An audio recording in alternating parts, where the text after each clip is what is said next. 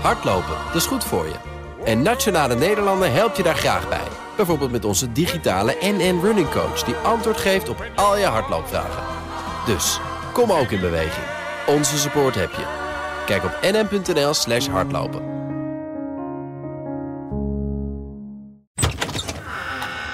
Ja, dus het is toch een beetje een historische dag. Oké, nou dankjewel. Uh, ik ga even do- door dan, maar dan weet ik ongeveer uh, hoe laat de agenda komt. Uh, waarschijnlijk vijf over half elf of elf uur. Dit is Nieuwsroom Den Haag van vrijdag 16 april. We zijn weer uh, fijn thuis in de studio. Sophie van Leeuwen en uh, ik, Mark Beekhuis. Uh, Thomas van Groningen, waar ben jij? Studio Tilburg, ja. Studio Tilburg. Ja, maar dat, is ook, dat zit ook lekker.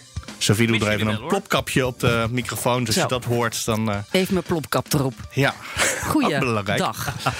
Ik dacht, wij gaan beginnen met uh, Smeets. Uh, de Kamerlid wat nou niet het kortste Kamerlid ooit is, maar wel uh, zijn best deed daarvoor. Maar 15 kwam... dagen. Ja, precies. Uh, maar uh, Thomas van Groningen, jij onderbrak net ons voorgesprekje al even. Er is nieuws over de coronatests. Ja, want er was natuurlijk een kort geding ingediend tegen de staat over, door die testbedrijven. Hè, want we weten dat er een, ja, geen aanbesteding is geweest. Dat er gewoon één bedrijf dat, dat, dat mocht die, die, die, die sneltesten, die toegangstest pilot gaan doen. Nou, andere testbedrijven die hebben een kort geding aangespannen en hebben dat verloren. Hun eisen zijn Ja. afgewezen bij de rechtbank in Amsterdam. Oké. En Weten we ook waarom? dat- nou, het komt echt pas net. Het is echt zo vers. Een eh, ANP-berichtje van één eh, regel, hè, met deze meestal als eerste. Ja, dus dat durf ik nog niet te zeggen. En ik heb het vonnis ook niet voor me. Maar ehm, ja, ik vermoed dat, dat, dat het argument dat de staat aanvoerde, namelijk Hugo de Jonge. eh, we hebben haast gemaakt. Het moest snel. En daarom hebben we niet aanbesteed. ehm, dat dat argument blijkbaar dus toch eh, afdoende is geweest. Voor iets wat je toch een jaar aan had kunnen zien komen. Want we hebben het al sinds voor de zomer over dat we naar een testsamenleving gaan. Ja, maar we hebben haast met heel veel dingen, hè? De af, het sinds na een jaar. nou ja, goed, we, gaan, we moeten nog even afwachten wat de rechter ervan gemaakt heeft. En of er nog hoger beroep komt, want dat kan ook nog.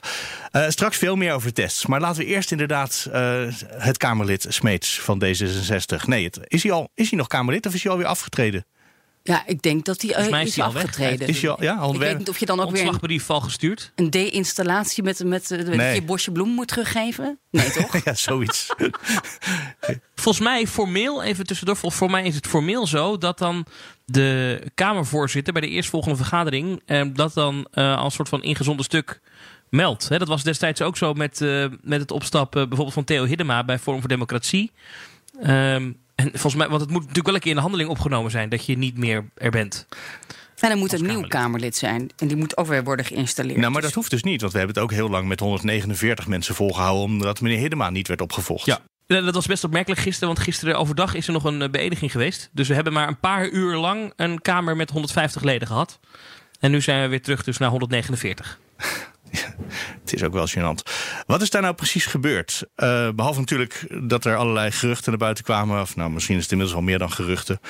over eh, misbruik met eh, jonge jongens.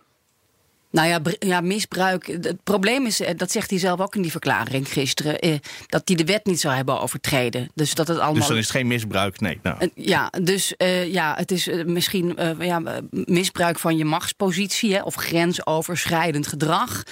Wat moreel eh, echt niet kan. In ieder geval niet bij D66. Ik denk wel, bij Dion Grauw zit nog in de Kamer. Bij de PVV denken ze daar misschien weer anders over. En die werd ook beschuldigd van van alles. Maar bij D66, ja, eh, echt niet, niet eh, mogelijk om die man in, in de Kamer te houden. Vraag is natuurlijk ook af. Wat wisten ze ervan? Want eigenlijk waren er best wel veel jonge jongens in appgroepjes en politieke clubjes.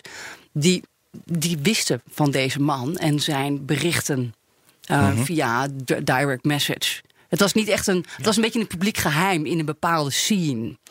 maar kennelijk niet bij de eh, kandidatencommissie van D66. Kennelijk niet bij het bestuur van D66. Wat raar is, want die hebben toch net ook een onderzoek gedaan naar de cultuur binnen de partij. Want er waren al eerder eh, Ja, eh, dus problemen geweest met eh, seksueel overschrijdend gedrag. er zijn wel dus vragen over hoe dat nou kan. Dat ze dat niet wisten. Hadden ze het kunnen weten? Eh, die, die screening was blijkbaar niet goed. Eh, hadden ze het beter moeten uitzoeken. Of ik, ik, hoor wel, als ik een beetje om me heen vraag, wel veel vraagtekens daarover. En ook over de procedure waarop het is gegaan. En die gesprekken die zijn gevoerd. En of ze niet te lang hebben gewacht en pas uh, de stekker eruit trokken toen het overal uh, in de kranten. Toen het in de media was. Op het internet ja. stond. Ja. Want, want om nou niet. het is niet op basis van bronnen, maar gewoon. Ik ben even zelf de bron in deze. Ehm, ongeveer een jaar geleden hadden wij Smeets ook nog wel eens een uitzending op BNR over als, als advocaat destijds nog. En um, ik weet dat ik toen samen met een collega hebben wij nog gekeken naar deze kwestie. Omdat er dus dit soort verhalen al op sociale media rondgingen, hebben wij al gedacht: is dit niet een verhaal? Bekende advocaat uh, van, uh, van Spong, het kantoor van Spong, uh, waarover dit soort verhalen gaan. En dat was nog voordat we überhaupt wisten dat deze man kandidaat ging worden voor D66. Toen hebben wij hier al een keer naar gekeken. Alleen wij, wij vonden toen, omdat ja, het, waren verhalen, het was van horen zeggen. we konden daar journalistiek gezien niks mee. Maar het is dus niet zo dat dit echt uit de lucht gevallen. En ik kan me haast niet voorstellen, met alle respect, dat niemand binnen D66 geweten heeft dat er uh, op de achtergrond zoiets speelde. Dat kan haast niet anders. Want uh, als zelfs. Ja, ik, ik, heb echt zelfs niemand jij gesproken. had ervan gehoord. Ja, eerder. ja. En, en nog voordat ik in de politiek uh, verslag ging doen. Het is ook een vraag die een kandidatencommissie moet stellen. zijn er nog dingen die we over u moeten weten? En dat het Kamerlid dan zegt. Nou, als u goed graaft, dan is er misschien nog wel ergens een schandaal. Dat zei Kaag gisteravond ook. Hè. Ze zei ook van we, in die gesprekken vragen we dit ook. Uh, alleen zeggen ze, wij zijn geen FBI of politie.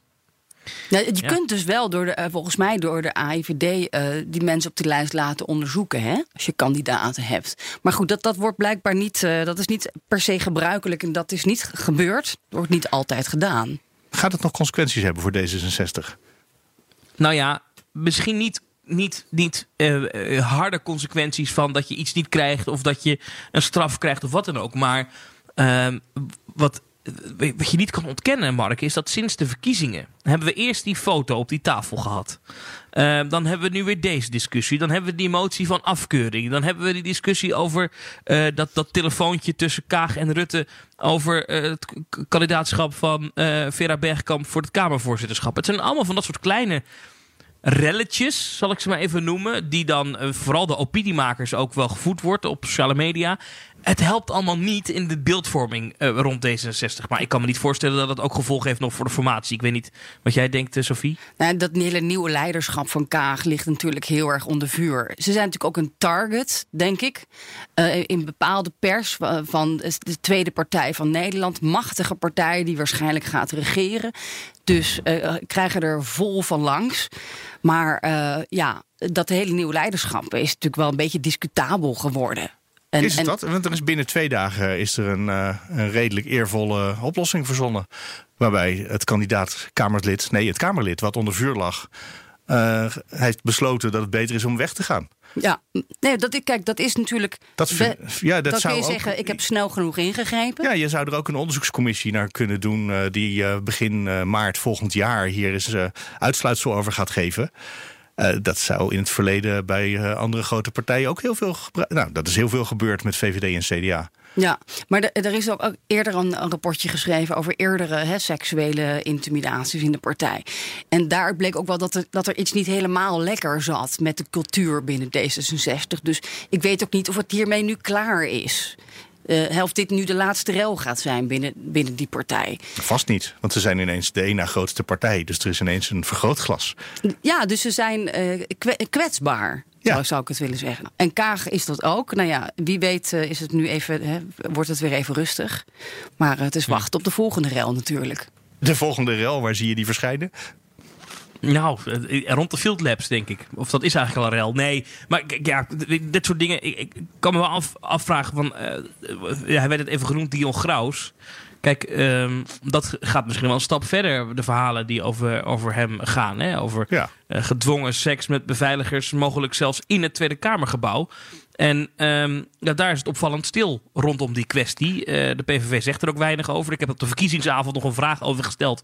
We hebben niet helemaal in dank afgenomen uh, aan Wilders. Maar, maar dan, ik moet wel zeggen dat ik daar de afgelopen dagen wel veel aan gedacht heb. Dat ik dacht, ja, we gaan hier nu duiken op. Terecht ook, denk ik. Want het is een, het is een serieuze kwestie wat hier nu gebeurd is. Alleen, ja, aan de andere kant is het uh, krekels, krekels, krekels.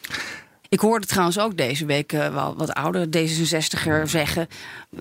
Ik heb heimwee naar hoe het vroeger was in onze partij. Een, een partij van seks, drugs en rock'n'roll. uh, waar, van, waar alles kon, waar groupies rondhingen. Waar, uh, het is bekend dat de koken, de koken door de gangen ging. Bij D66 in, in het verleden. Dus het was niet voor niks dat ze een, een hoofdkantoor in uh, Amsterdam hadden en niet in Den Haag. Het is een beetje braaf geworden. En ja, braaf leiderschap, je moet, en dat moet je, daar moet je voor gaan staan nu. Dat is eigenlijk, uh, ja, Kaag kan niet anders dan, dan hem zo snel mogelijk de la laan uitsturen. Uh, of hij nou wel of niet de wet heeft over, overtreden. Zegt dit iets over het leiderschap van Kaag? Want dat suggereerde jij wel natuurlijk, Sofie, net. Wat denk jij, Thomas? Nou, in die zin, wat we wel gezien hebben nu. Um, en, en dat is iets wat, wat D66 in ieder geval de afgelopen weken iedere keer doet als er iets rond die partij is. Is dat zij uh, de regie nemen. Uh, ze namen van de week de telefoon gewoon echt niet op. Je kon iedere D66 bellen. Er werd gewoon niet opgenomen. En dat zij ehm, zelf bepalen wanneer zij met iets naar buiten komen, met een statement. En dat klinkt een beetje stom, maar um, Kaag is natuurlijk een ervaren diplomaat. heeft veel moeilijke gesprekken gevoerd in het leven. ik heb wel het idee dat daar een soort van cultuur is ontstaan van uh, we, we, we, we, we, hebben één leider, we, wachten af en we, we nemen rust. Dus we gaan niet overhaast, paniekerig reageren, gekke dingen zeggen. Dat, en, en daar wordt wel over nagedacht. Ook toen met die foto, hè, op die, dat is een gek voorbeeld, maar toen die, dat, dat, dat ophefje, het was eigenlijk een beetje flauwkul, maar toch die, dat gedoe was over die fotograaf die ingehuurd was door D66 en die op die tafel stond te dansen. Daar is heel slim uh, lange tijd niet op gereageerd. En dan op een gekozen moment komt er een verklaring. En dan bam is het klaar. Dat ze, en, en dat lijkt wel een beetje de tactiek te zijn van D66 de afgelopen weken. En dat heeft nu, nu ook weer. ik weet niet of dat echt vanuit Kaag komt. Maar ik kan me zo voorstellen dat zij als ervaren onderhandelaar dat misschien toch wel zo, zo, zo uh, aanstuurt. Het lijkt mij ook hon, uh, heel erg verstandig om het zo te doen. Want uh, er zijn partijen die de rolluiken dichtgooien en dan hoor je niks meer. Maar hier hoor je even niks van alle mensen uit het voetvolk. Maar de leider komt daarna wel en die zegt: Oké, ik heb een besluit. Of oké, ik heb gehoord van dit Kamerlid. Het is klaar. Dus dan, ze duiken niet. Um, maar het gaat wel heel geordend en gedisciplineerd. Nou, in de eerste instantie doken ze wel, want wij hebben twintig rondjes door die wandelgangen gerend. Hey, natuurlijk, dit... de eerste halve dag eh, is het eventjes, maar dan weten ze zelf nog niet waar ze staan. Nee, ja. dus, maar en dat is ook wel gebruikelijk in Den Haag. Zo gaat dat natuurlijk wel. Als het even maar er zijn als ook partijen waarbij de rolluiken nooit meer open gaan. Dan, uh, dan, dan zijn ze weg. En als er goed nieuws is, dan kun je ze weer spreken. Ja, er zijn ook partijen waar, waar ze nooit open gaan. Dat klopt, dat hebben we met Graus dan ja. een beetje meegemaakt. En ik moet iets kwijt over de wandelgangen van D66, Mark. Want uh, uh, afgelopen week dan. Uh, zij, zitten, zij, zij, zitten in het oude uh, ministerie van Justitie. en dat is een prachtig oud pand met houten vloeren, prachtig. Maar ik dacht van de week, ja, er was natuurlijk die ochtend dat het allemaal naar buiten kwam en dat er zo'n ophef over was en de telefoon werd die opgenomen. Ik dacht, ik ga daar toch even kijken. Wat gebeurt daar? Zijn er D66'ers aanwezig? Wordt er misschien kortsachtig overlegd? En um, zij zitten, volgens mij is dat de tweede etage uit mijn hoofd, waar D66 zit. Ja, boven het, het houten vloer. ja, het, het, CDA zit dus daaronder en daarboven zit D66. Maar als je daar dus over de gang loopt, um, dan loop je over een houten vloer en die kraakt als de neten. Dus ik dacht, ik sluip een beetje door die gang om te kijken. Nou, zit er nog ergens iemand? Maar je kan niet ongezien door de gangen van D66 lopen, want dan hoor je... Sterker nog, ik stond op een gegeven moment op de drempel van die prachtige fractiekamer van hen. Uh, helemaal met hout belegd, zelfs de muren.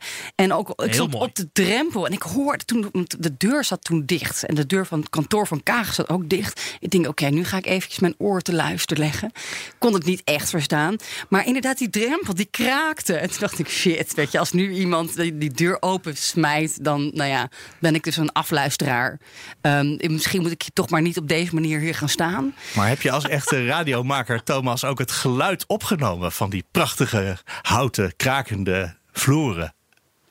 Dat moet ik volgende keer doen. Het is echt, het is echt, het is zo hard. Zeker als uh, het grootste deel van die fractie thuis werkt, dan is er dus niemand. Dan is je kan daar, je, het, echt, het is, het is als in zeg maar dat je s'nachts wel eens uh, ja, even trap, weg wil sluipen en niemand wil wakker komen, maken. Ja. ja. Zelfs, nou, want er ligt dat, ook nog een rood uh, soort van fluweel plusje tapijt overheen. En zelfs dan kraakt het nog. Ja, het is historisch pand. Maar bij het CDA niet, hè? Want dat is hetzelfde gebouw, maar daar hebben ze steen. Ja, daar zit een kille stenen vloer, maar daar, daar hoor je dan wel weer je hakken op. Hè? Dus uh, nou ja, ook zo daar. moet je wel je sneakers aan. Je moet, ja. Ja. daarom, zet- da- daarom draagt iedereen sneakers tegenwoordig in de Tweede Kamer.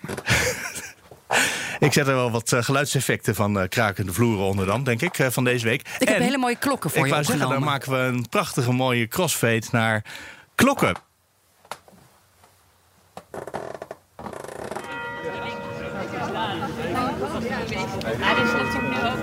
Coronacrisis en steunpakketten. Maar misschien is dat wel een goede eerste vraag. Waarom bent u eigenlijk Welke klokken, kerkklokken heb ik de neiging te zeggen, maar het zijn geen kerkklokken, Sophie. Ja, het zijn de klokken van de Ridderzaal. Dus, dus, dus- dus- ik laat het je even horen. Daar sta ik natuurlijk ook nog een deel van de week. Tegenwoordig niet meer in de sneeuw, maar toch een beetje in het zonnetje. te wachten op Cenk Willink. Vorige week stonden we op het, eh, op het Binnenhof natuurlijk op te nemen.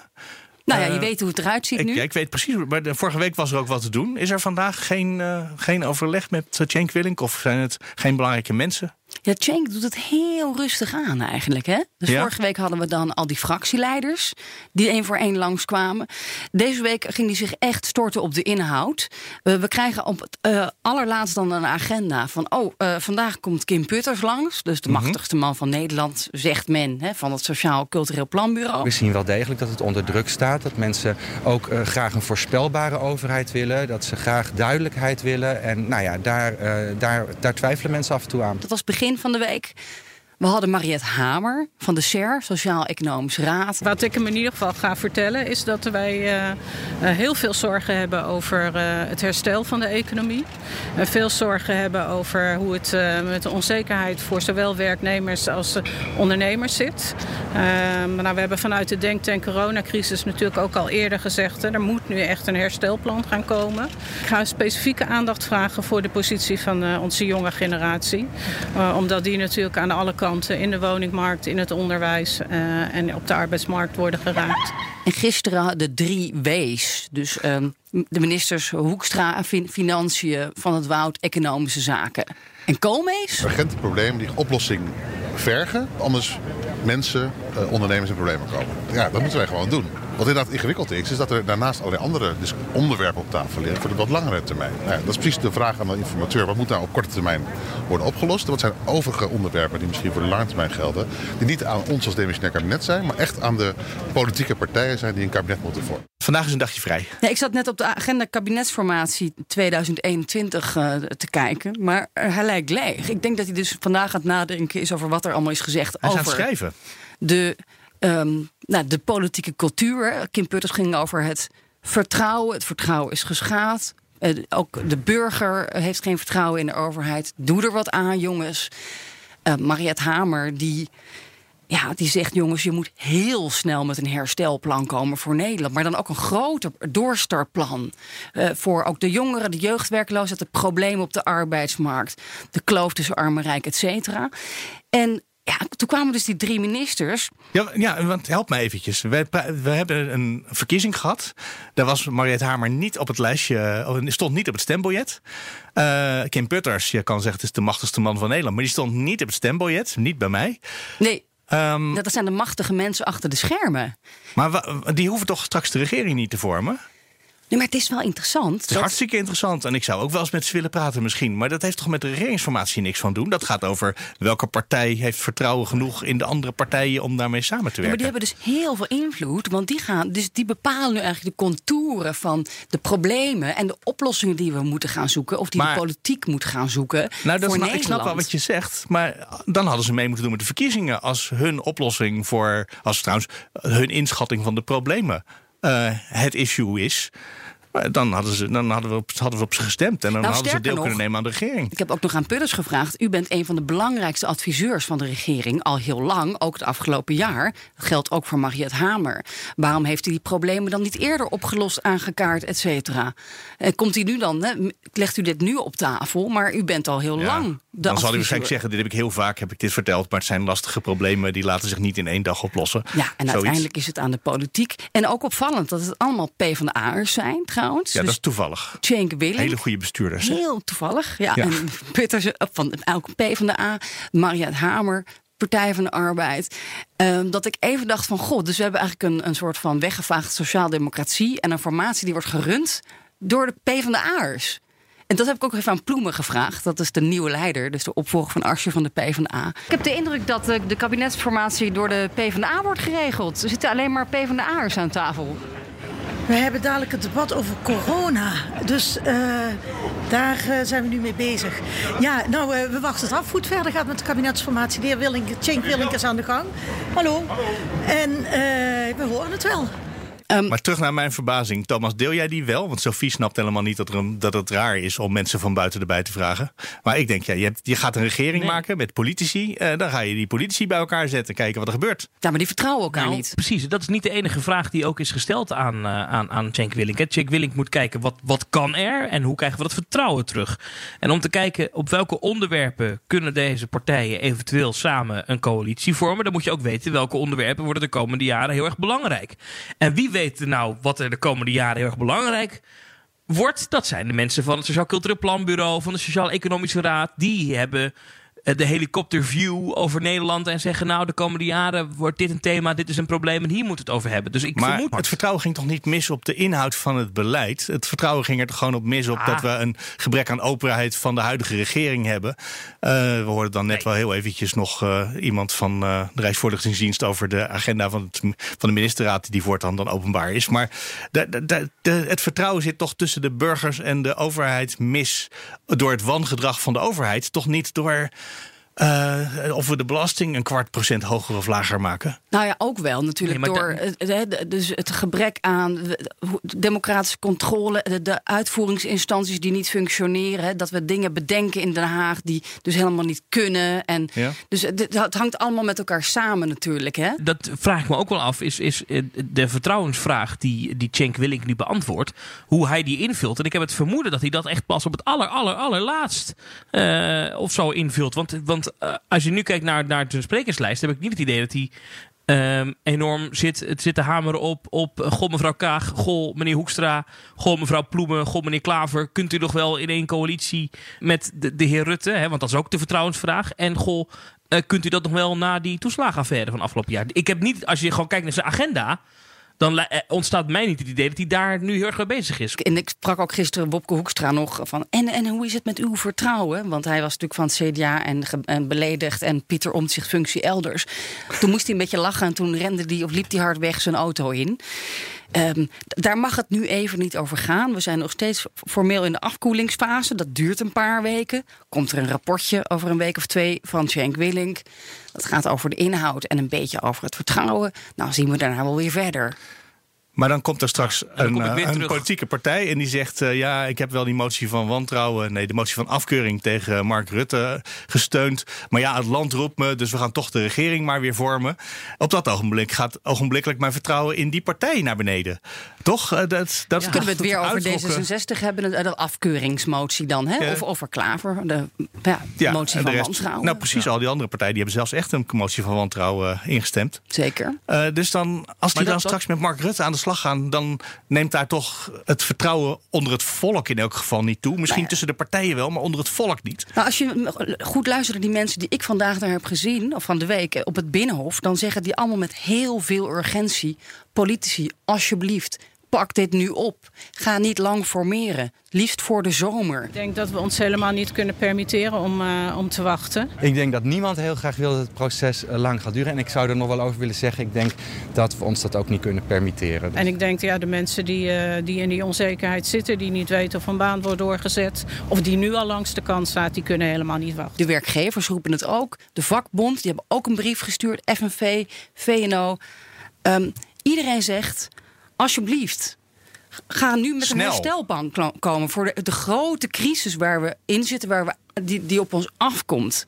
Nou, dan kun je als politicus zeggen: we nemen onze verantwoordelijkheid. Ik strijk over mijn hartje.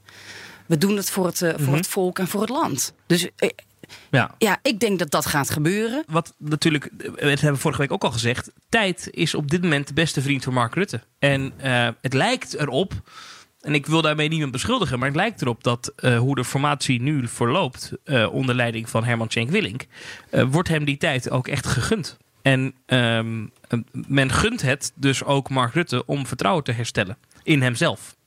En dat dat, dat als, want als die partijen echt het vertrouwen kwijt waren, dan hadden ze nu gezegd: ja, kom op, hé. Gaan we dan nu echt weken eh, wachten? Gaan we dan nu echt zo traag dit doen? Dit proces duurt veel te lang.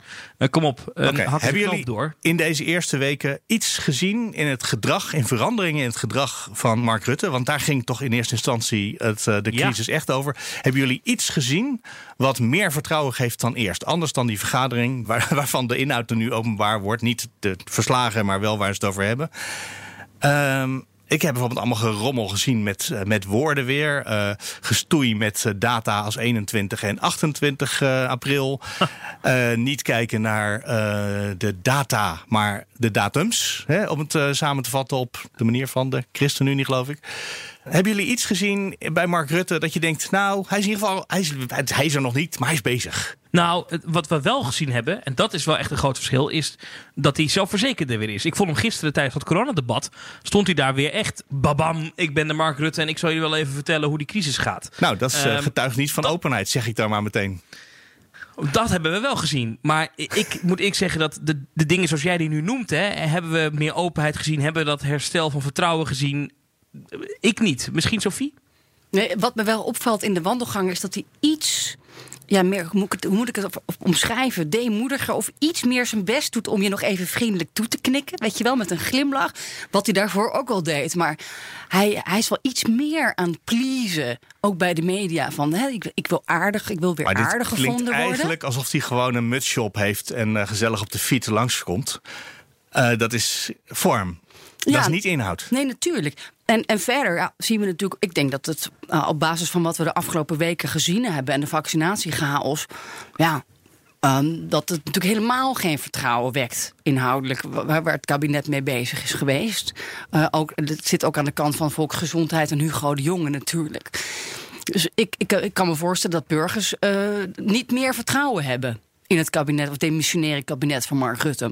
En dit zijn de weken waarin hij moet bewijzen dat die nieuwe bestuurscultuur in elk geval vanaf de top komt. Dat hij er zelf in gelooft. Zoals hij zei. Hè? Hij zei, ik omarm dat, die nieuwe cultuur. Dat moeten we, is heel belangrijk. Ja, dat, nou ja, Ja. Dat, dat, dat begint dus van, hè, vandaag. Eh, eerder eh, in deze podcast hoorde je dus dat de agenda van de ministerraad en de besluitenlijst openbaar wordt gemaakt. Dat is de allereerste stap pas. Hoorde ik zojuist van de RVD. Eh, in in die, die nieuwe transparantie hè, en die nieuwe politieke cultuur op het Binnenhof. Nou, er waren nog andere voorstellen, ook in het debat gisteren van Caroline van der Plas. Ehm, want Dank u wel, voorzitter. Gaat ze hem echt indienen? Ja, ik ga hem echt indienen. Hier gaat het over een appgroepje. Van grote ergernis is natuurlijk dat het kabinet alles lekt naar de pers. Dan staat het in de T of weet ik het waar. Ehm, de motie appen voorlekken. De Kamer gehoord de beraadslaging. Constaterende dat Tweede Kamerleden afhankelijk zijn van het lekken naar de pers. om op de hoogte te raken van de besluiten en voornemens rond corona. in het zogenaamde katshuisoverleg. Overwegende dat wij als volksvertegenwoordigers geacht worden. als eerste op de hoogte te zijn van kabinetsbesluiten en voornemens.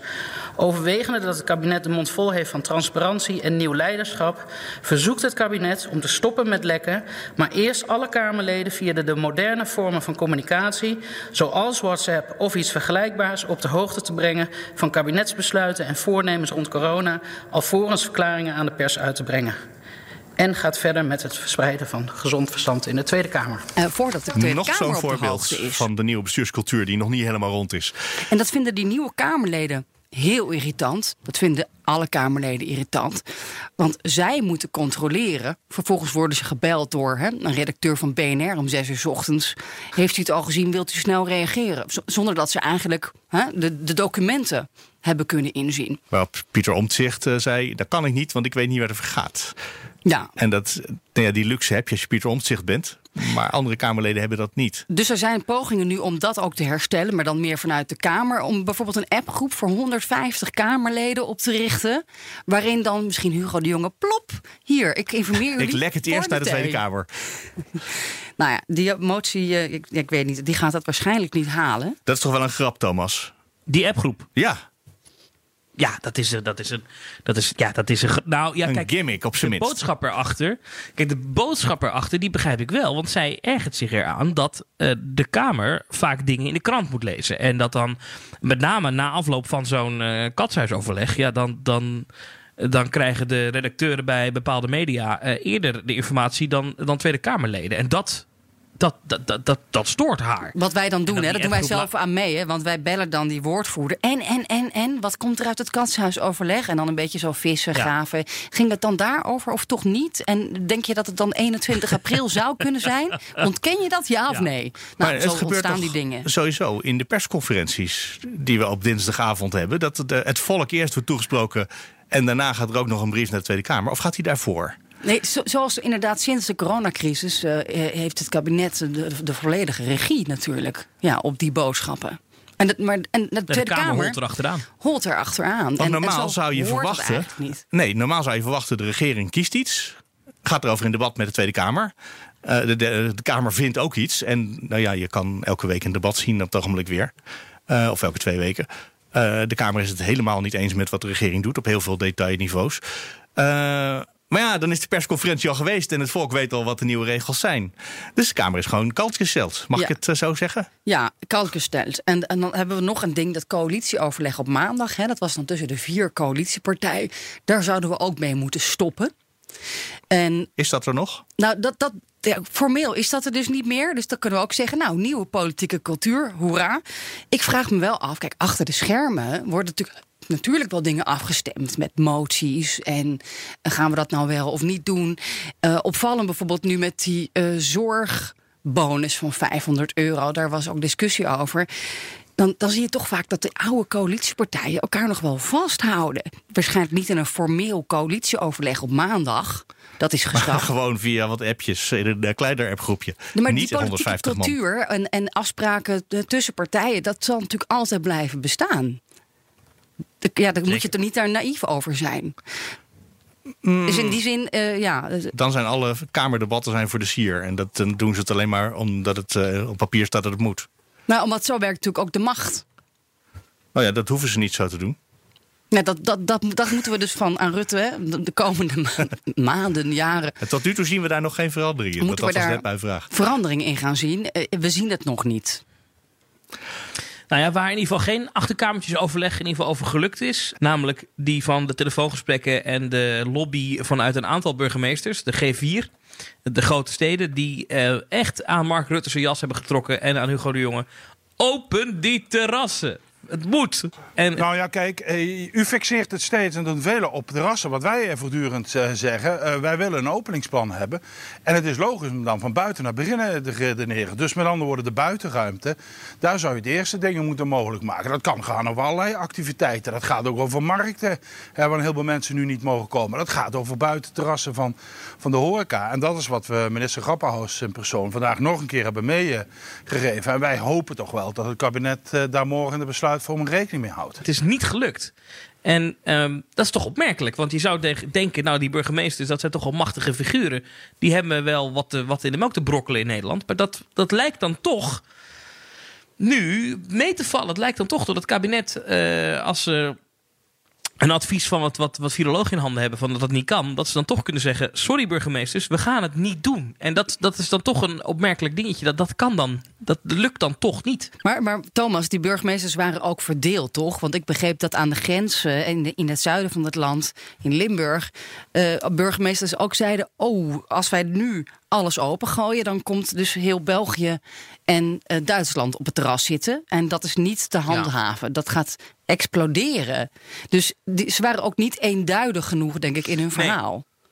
Nee, nee. Kijk, wat, daar- wat daar speelt is dat. eh, maar dat is eigenlijk al sinds het begin van, van corona zo. Hè, eh, dat, dat, dat, dat veiligheidsberaad komt nu ongeveer een jaar bij elkaar, iets langer. En. dan is het gewoon zo dat de verschillen tussen het, stad, het platteland en de stad, dat is heel groot. En je merkt ook dat eh, die burgemeesters in de stad veel meer merken dat de rek uit de maatregelen is. Dat mensen het zat zijn. Ehm, eh, burgemeester Halsema eh, van Amsterdam, die moet bijna ieder weekend een ME-peloton naar het Museumplein sturen om daar mensen weg te jagen. Ja, als jij van een veiligheidsregio Limburg-Noord bent, eh, de burgemeester van Venlo is dat. Ja, dat, is, dat, dat kan. Maar dat is, die, die heeft natuurlijk dat soort problematiek helemaal niet in zijn eh, gebied. En hij is dan dus tegen die versoepelingen. Hij vindt het ook raar. Dat zij, die gaf hij als quote afgelopen maandag bij dat Veiligheidsberaad. Ja, als wij dan ehm, eh, nog patiënten naar Duitsland moeten sturen naar de IC en wij gaan versoepelen. Dat, dat kan toch eigenlijk niet? Nou, dat hebben we even gefactcheckt. Er blijken helemaal geen patiënten vanuit Nederland meer naar Duitsland te gaan. Maar goed. Maar, eh, dus die strijd is er altijd geweest. Maar als de burgemeesters van de vier grote steden zeggen... in onze stad gaat dit langer, niet, niet langer zo... Ehm, ja, had ik toch gedacht dat dat misschien wel meer invloed zou hebben... op, op wat het kabinet doet. En dat, dat blijkt dus toch niet zo te zijn. En ik vond het voor het eerst een, echt een... eh, dat je echt zag dat die strijd er was. Want eh, nou, maandag was dus dat veiligheidsberaad. En normaal gesproken eensgezind na afloop. En dat was nu echt niet zo. Ja, toch was er wel een soort van toezegging, eh, begreep ik, achter de schermen. Van oké, dan we gaan dan wel weer perspectief bieden. Eigenlijk zouden we stoppen met al die data waar we ons toch niet aan houden. Maar nou, misschien op 28 april. Toch kwam er een heel openingsplan op de persconferentie. Men werden nog gebriefd van tevoren. Van eh, verschillende data in mei, in juni, wanneer we allemaal wat open gaan gooien. En, en daarin zijn ze de burgemeesters toch ook een klein beetje tegemoet gekomen, of niet? Ja, maar die, die, ja, dat, dat, dat is het argument geweest. Dat is het verhaal geweest wat, wat zij op maandag ook te horen kregen, dat openingsplan. Maar dat was blijkbaar dus toch niet genoeg eh, voor die burgemeesters. Want na afloop kwam Abu Taleb los nog even naar buiten. Normaal gesproken eh, zeggen de burgemeesters na afloop niks meer. En laten ze eh, Hubert Bruls, de voorzitter van die club, de burgemeester van Nijmegen, die ze normaal het woord voeren. Nu ging Abu Taleb zelf nog de pers te woord staan en zei hij: Ik doe opnieuw een beroep op het kabinet. Als het de komende week mooi weer eh, wordt en ik krijg duizenden mensen in het Kralingse bos die hutje mutje op elkaar eh, zitten. Ja, ik ben niet bereid om dat waterkanon te gaan eh, afzetten. Dus dat betekent dat je eh, tegen je grenzen aanloopt van wat je aan de, aan de kant van handhaving kunt, kunt doen. Naarmate de, handhaven, naarmate de, de naleving lager wordt, moet je meer gaan handhaven. En er is een grens aan wat je kan doen met repressie. Maar begrijp ik dan goed dat als er dus grote groepen mensen in Rotterdam de komende weken op straat zijn, dat u zegt, nou ja, dat, dat neem ik dan voor lief. Als er heel veel mensen zijn, er echt op een kluitje zitten, en, eh, dan is het ook ondoenlijk om dan een agent op af te sturen. eh, om tegen te zeggen, nou, u ga ik op een moordenslingje slingeren. En die manier loopt dan weg. Dan krijg je onrechtvaardigheid. Die is wel op de geslingerd en die loopt weg. Nou, dan krijg je daar ingewikkelde toestanden met handhaving. Maar hij had natuurlijk toen al te horen gekregen dat het op zijn vroegst 28 april wordt voor die terrassen. En toen gaf hij ook nog een soort van, ja, soort van dreigement van ja, als jullie die doen, dan, dan als het druk wordt in mijn stad, dan, dan ga ik niet meer handhaven. Moeten we het hebben over de communicatie van. eh, moeten we het hebben over de communicatie van deze overheid? Want die zei: ja, het is niet zo handig dat we 21 april hebben genoemd. Weet je wat? We noemen 28 april. Ja, en dan zeggen we dan meteen daarna dat we Maar ons daar eh, we waarschijnlijk weten niet of we ons er gaan, gaan aan houden. En Ja. eh, er staan nog veel meer data op dat papiertje. Ja, dat is allemaal. eh, ja, we weten ook niet precies wat het betekent. Het interessante was ook dat op het moment dus dat ik dat openingsplan voor me kreeg, toen wisten we al dat er iets mis zou gaan met Janssen. Hè, dat, dat, dat, dat Janssen-vaccin. eh, dat daar een probleem was met trombose en, en bloedplaatjes, net als met AstraZeneca. En dat dat waarschijnlijk on hold zou worden gezet. Dus toen vroegen we ook al achter de schermen eh, aan de woordvoerders van Volksgezondheid. Gaat dit openingsplan dan. Wat is dit nou wat ik hier lees? Want eh, wat als de vaccinatiecampagne anders loopt dan je had gedacht? Nou, dus daar willen we niet op de zaken vooruit lopen. En bovendien hebben ze geen plan B. Oké, dus dat, dat was al Zeiden ze het zo hard? Nou, dat, dat kwam Het is iets wel mijn indruk, maar daar kwam, daar kwam het wel op neer. Daar kwam, dat kwam iets later. Ehm, dus dat zorgde meteen voor zoveel verwarring, ook aan onze kant. Ja. Ehm, je presenteert iets eh, in een. eh, ja, en daar hangt een campagne aan waar nog met zoveel onzekerheden. Ja, want eh, Thomas, we hebben toch gewoon tijdens de verkiezingen op Mark Rutte gestemd. omdat hij de week voor de verkiezingen nog beloofde dat alles weer open ging. Ik kan me nog herinneren, de aflevering van ons heette toen. In het zicht van de verkiezingen wordt het half lege glas ineens half vol. En toen dacht ik nog, is dit niet een beetje een cynische titel voor een podcast? Maar dat is wel wat er gebeurde. En een week later was het halfvolle glas weer half leeg. Nou ja, kijk, of, of het glas dan nu eh, ineens weer eh, half leeg is. En of, of dat dan door Mark Rutte komt dat hij misschien een valse belofte heeft gedaan, dat weet ik niet. Wat, wat we wel zien, is dat eh, als je het OMT-advies leest, het laatste OMT-advies, dan zeggen zij het kan niet. We kunnen die terrassen niet open doen nu. En we gaan het vanaf nu per week bekijken. Wat een soort van. ehm, Eigenlijk een beetje een, een, een flauwe belofte is. Dat je zegt, we gaan het per week bekijken. Dan hoef je ook niet voor de lange termijn voorspellingen te doen. Want als je dus vraagt nu aan OMT-leden... Goh, kan dat 28 april? Zeggen ze, ja, we gaan het per week, nu per week bekijken. Dus dat hoor je volgende week. Hè? Dus, dus daardoor kan je ook eh, dat openingsplan ook helemaal niet meer op waarde schatten. Want ja, ze, die, die deskundigen die willen helemaal niet meer zeggen of het haalbaar is wat in het openingsplan staat. Krijgen we dan ook elke week een persconferentie? Nou, d- Mark Rutte zei daar gisteren over. Nou, ik ben niet van plan om iedere week een persconferentie te geven. Oh, maar zodra eh, er weer een verandering is, gaan we dat wel doen. Dus ehm, overigens vielen de kijkcijfers enorm tegen hè, deze week van de persconferentie. Dus ook dat gaan we per week bekijken. Of we elke week een persconferentie gaan geven. Ja, ja. Het Eh, wordt steeds ik had dus erger. een, eh, ik had dus een gesprek met, met Jaap van Dissel. Ik vind het toch wel aardig om even te laten horen. Want eh, na afloop van zijn technische briefing. En toen dacht ik, ja, ik wil toch weten hoe zit het nou met die terrassen? Hè? Kan dat nou? En waarom kan dat dan niet? Maar waarom kunnen die field labs wel opgeschaald worden naar 10.000 personen per event? Want dat is toch wel een gekke, gekke tegenstrijd. Hè? Je kan de komende week niet naar het terras in Nederland. Ook niet met twee mensen op anderhalve meter aan een tafeltje. Dat mag ook niet, maar je mag wel naar dancefestivals. En dat zijn er niet één, dat zijn er zelfs meerdere. Een stuk of vier, vijf grote evenementen komende weken. Meneer Van Dissel, ja, toch een beetje flauw, maar op een schaal van 1 tot 10... hoe reëel is het dat op 28 april eh, we in Nederland naar het terras kunnen? Ja, wat wij doen is eh, wekelijks kijken en natuurlijk ook tussendoor als daar acute verandering of acute zorg over zou zijn, maar wekelijks kijken naar de ontwikkeling in eh, de epidemiologie, hè, in het aantal gevallen en waarom die gevallen er zijn en wat ze karakteriseert. Dat zullen we morgen opnieuw doen. Het enige wat ik u over uw vraag kan zeggen, dat we vorige week in ieder geval geconcludeerd hebben dat omdat we op die piek zaten, we het niet opportun vonden. Nee, maar goed, u, kunt, u heeft modellen, u kijkt vaak ook vooruit. Ja, en in die modellen zie je dus dat we voorspellen dat we nu op een soort plateau zitten.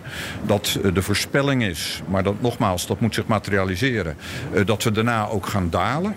En eh, als je in een dalend been zit, dan zien we de risico's aanmerkelijk kleiner dan wanneer dat nog niet het geval is. En dan zou dus 28 april haalbaar zijn. Nee, we gaan helemaal niet over data hebben. Ik ga alleen maar zeggen dat we wat wij als OMT kunnen toevoegen en kunnen adviseren, is wat een goed criterium is om te weten dat je in een dalend been ben- eh, bent, hè, bijvoorbeeld. Ja, nu weten we dus nog niet of op 28 april de terrassen open kunnen. Maar we zien wel dat op 24 april, vier dagen daarvoor, er al 10.000 mensen naar een dancefestival kunnen in Breda. Is dat dan verstandig?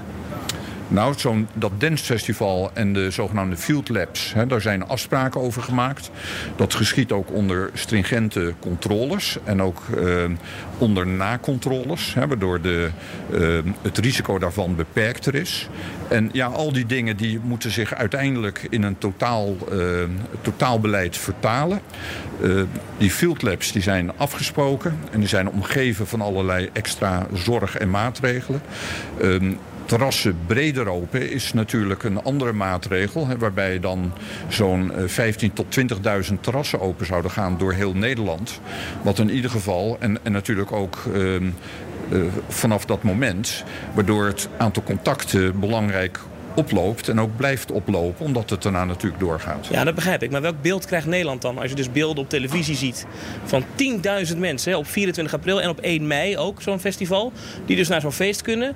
Maar eh, in het dorp eh, een biertje drinken aan tafel, dat mag dan niet. Dat is toch een gekke tegenstrijd? Ja, dat, dat kunt u zo brengen. Het enige wat ik daarover kan zeggen, hè, ik ga verder niet over de beelden, want die verspreidt u vooral. Het, eh, het gaat ons erom dat de field labs zijn omgeven met zorg, met een en eh, nakontroles. Hè, en daar, dat moet je wel doen om daar ook van te leren.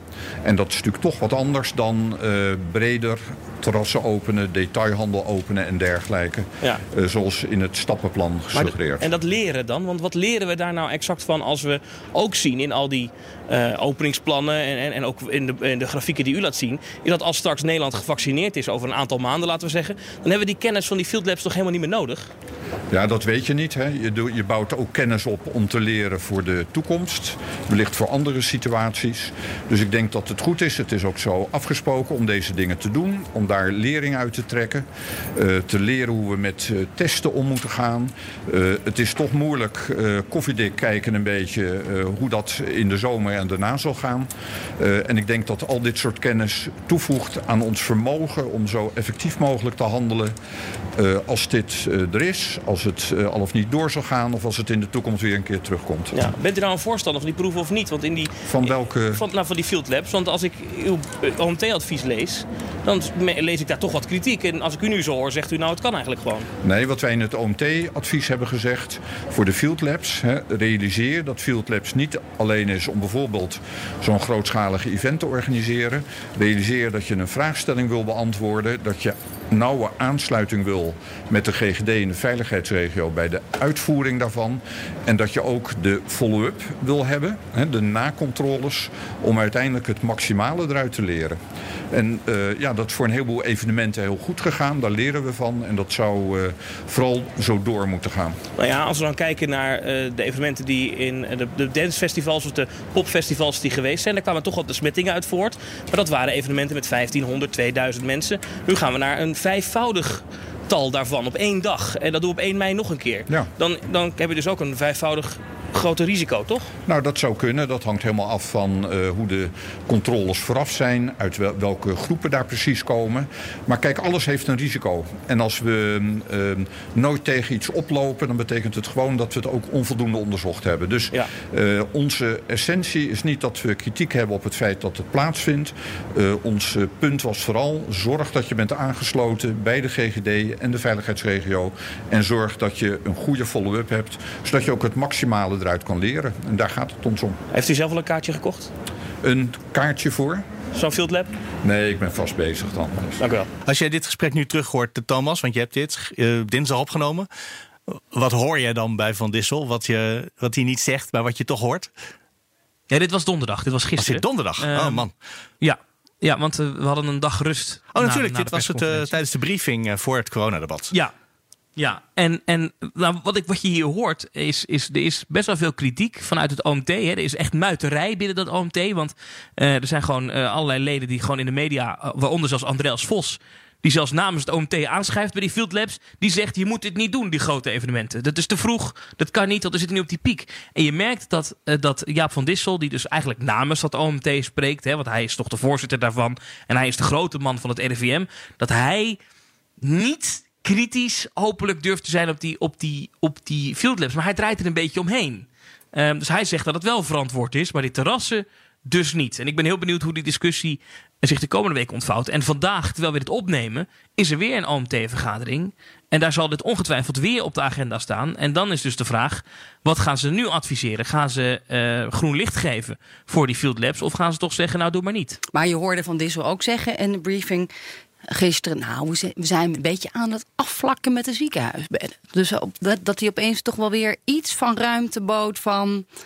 eh, we zijn over de piek heen, misschien, bijna. Ja. Nou, die, die, die, die, die voorzichtige voortekenen zien ze. hè. Dus de, we komen op een plateau, zegt hij dan. En de vraag is nu, blijven we op dit plateau? Gaan we omhoog? Of gaan we richting het dalend been? En hij zegt eigenlijk, Het dalend been, hè? openingsplan... Ja, en dit, dit openingsplan is helemaal gebaseerd op de gedachte dat we dat dalend been ingaan. Als dat dus niet gebeurt, kan je dat openingsplan in de prullenbak gooien. En dat het is dus de dalend been, dat gaat over de grafiek, hè, Thomas. Dat gaat over de vorm van de grafiek. Eh, het stuk omhoog en daarna gaat de grafiek de lijn weer omlaag. En dat dalend ik, been, ja. ja, dat moeten nee, we maar weer... voor de luisteraars die geen idee hebben wat een dalend been is. Maar goed, die Eh, besmettingscijfers, dat- die, worden, snap je, die moet- moeten eigenlijk natuurlijk gerelativeerd worden. Dat komt, dat komt het kabinet ook goed uit als je een field lab wil organiseren. Nou ja, dat is het hele punt. Eh, de komende weken ga je besmettingscijfers zien die misschien wel door het dak inschieten. We gaan zoveel mensen testen eh, voor, voor, voor evenementen en, en, en, en, en dagjes weg. Ehm, en al die positieve tests die daar uitrollen, dat worden enorme cijfers. En dan gaan we, ehm, als je daar dan op gaat varen, ja, dan krijg je een enorme paniekreactie. Met, we zitten in een vierde golf, maar dat hoeft dus niet. Want we gaan dus echt eh, idioot veel mensen testen, om het maar even eh, zo om te omschrijven. Dat breaking news, dat kunnen we al- nu al voorspellen. En we weten ook dat iedereen daarop aanslaat. Maar we kunnen hier voor de luisteraars van deze podcast dan zeggen... je mag het negeren. Ja, en dan wil ik ook nog even Nou ja, mevrouw de Jonge negeren, laten horen. Geen paniek, jongens, geen paniek. Ga niet in de kroonluchters hangen. We moeten niet van, van alles wat er gebeurt meteen hyperventilerend in de kroonluchter hangen. Dat is helemaal nergens voor nodig. Maar dat ging eigenlijk Maar kijk, over wat- vaccins. Ja. Laten we nou niet meteen van alles in paniek raken. Maar goed, Thomas. Maar die field labs, daar, daar moeten we het toch nog heel veel over hebben. Hoor, over die opschaling van die field labs. Als journalist schrok ik er enorm van dat eh, de bekendmaking dat de field labs opgeschaald gingen worden naar 10.000 mensen per event. En dat er op 24 april in Brabant alleen al eh, minstens 20.000 mensen naar een, eh, een field lab gaan. 10.000 in Breda, 8.000 in Kaatsheuvel en een paar duizend in een voetbalstadion. Oei. Eh, dat dat dan een paar minuten na een persconferentie komt. Nou, precies. Over de nieuwe openheid gesproken. We zijn toch weer bij mijn stokpaardje. De bestuurscultuur. We doen eerst een persconferentie en daarna geven we de informatie die de mensen wilden weten. Dat. En we gaan horen of, of, of eh, de deskundigen dat nog wel toe gaan staan, die field labs. Dat, daar ben ik heel benieuwd naar. Zou daar nog eh rechtszaken over komen? Dat mensen zeggen, ja, de overheid wil dit wel, maar dat kan het land gewoon niet hebben nu. Moeten we niet doen? Nou, we hebben in ieder geval een gemeenteraad van Breda die maandagavond een spoeddebat heeft. Ja. En eh, ik hoor al van wat partijen daar dat ze zeggen, nou, doe het maar lekker ergens anders. Niet in mijn achtertuin, zo'n field lab met 10.000 maar, maar Thomas, mensen. als die mensen allemaal getest worden, dan is er toch niet zoveel aan de hand? Ja, maar het zijn antigeen sneltesten. En daarover zijn nog wel wat twijfels met, eh, over de betrouwbaarheid. Eh, en die mensen moeten ook die kant nog op. Dus die gaan in de trein en de bus daar naartoe. En je kan ook buiten zo'n festivalterrein heerlijk die muziek horen. Dus die mensen komen misschien ook. En die zijn niet getest. We komen aan het einde voor deze week. Dankjewel Thomas van Groningen, Sofie van Leeuwen. Ik ben Mark Beekhuis. Het einde van Nieuwsroom Den Haag. Je kan reageren. Nieuwsroom.bnr.nl of nieuwsroom.fd.nl. Tot volgende week. Tot volgende week. Tot volgende week.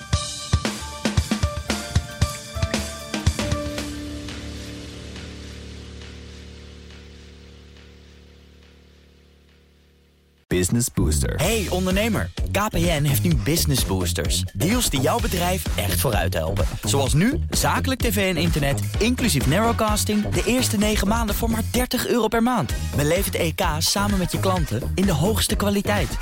Kijk op kpn.com businessbooster. Business Booster.